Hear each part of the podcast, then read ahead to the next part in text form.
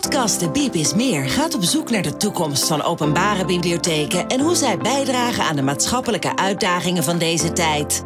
Met nieuws uit de sector, spraakmakende gasten en verrassende thema's word je meegenomen in de wereld van leesbevordering, digitaal burgerschap en participatie. De Biep is Meer is een initiatief van Matt Gubbels die jou wil informeren en inspireren. Hij gelooft in de kracht van podcasting en het verhaal van de bibliotheek. Welkom bij deze pilotaflevering van De Biep is Meer. In deze aflevering vertel ik wie ik ben, waarom ik dit doe en wat je kunt verwachten van deze podcast. De mensen die mij kennen weten dat de start van mijn loopbaan binnen de bibliotheeksector zich voornamelijk heeft afgespeeld binnen de provinciale ondersteuningsinstellingen van Gelderland, Brabant en Limburg. In deze periode leerde ik de sector en vele aspecten van het bibliotheekvak in brede zin kennen. Het was in de tijd waarin er veel aandacht was voor kwaliteitszorg en de opkomst van certificering van openbare bibliotheken. Toen ik definitief het pad koos als zelfstandig ondernemer, maakte ik weer werk van mijn passie voor het uitvoeren van onderzoek en deed ervaring op met het meten van het maatschappelijk effect van bibliotheken. Het starten van deze podcast is volledig terug te voeren tot de coronaperiode. Een periode die mij persoonlijk en zakelijk heel veel heeft gebracht. Mijn fascinatie voor deze periode zal dus zeker regelmatig terugkeren als thema in deze podcast. Na twee jaar corona is Nederland weer open en leven we als van ouds in het nieuwe normaal. Voor veel mensen is corona een tijd om snel te vergeten. Maar wat zijn eigenlijk de opbrengsten ervan? In gesprek met bibliotheken en andere organisaties gaan we op zoek naar de leermomenten en wat we daarvan meenemen in het toekomstige normaal. Midden in coronatijd was er opeens dat prachtige initiatief van de KB om het coronadossier te vullen. Met name de interviews met bibliotheken en hoe zij omgingen met de beperkingen van corona hadden mij grote interesse. Ik had echter ook heel veel vragen en zocht naar verdieping.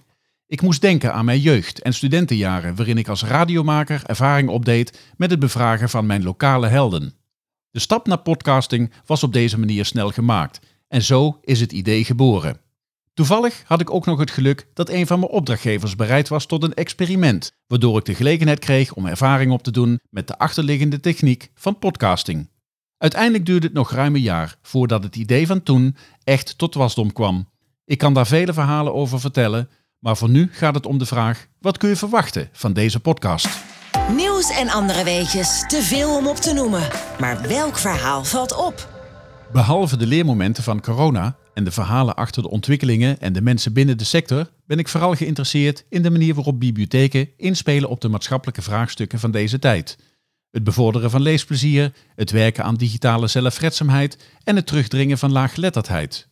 Het is mooi om te zien hoe openbare bibliotheken op dit moment inspelen op de actualiteit en bezig zijn om Nederland iets te leren over de Oekraïense cultuur. Maar ook andersom, de eerste vluchtelingen uit de Oekraïne die geholpen worden met het leren van onze Nederlandse taal. Uiteindelijk gaat het om verhalen. Verhalen die de moeite waard zijn om te vertellen.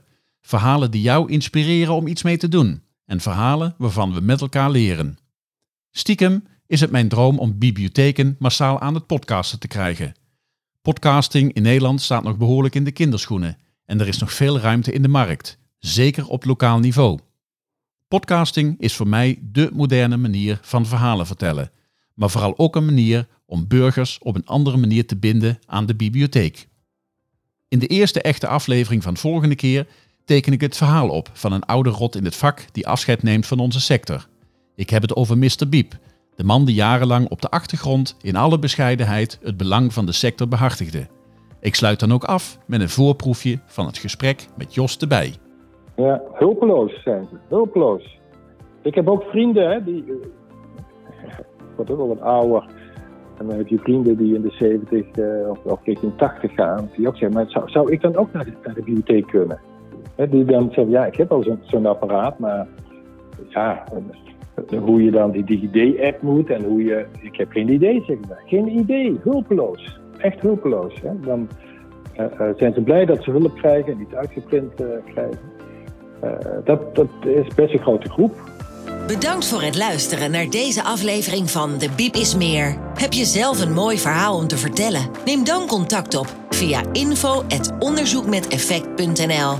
De Biep is Meer is een initiatief van Matt Gubbels. Hij gelooft in de kracht van podcasting en het verhaal van de bibliotheek. Graag tot een volgende keer.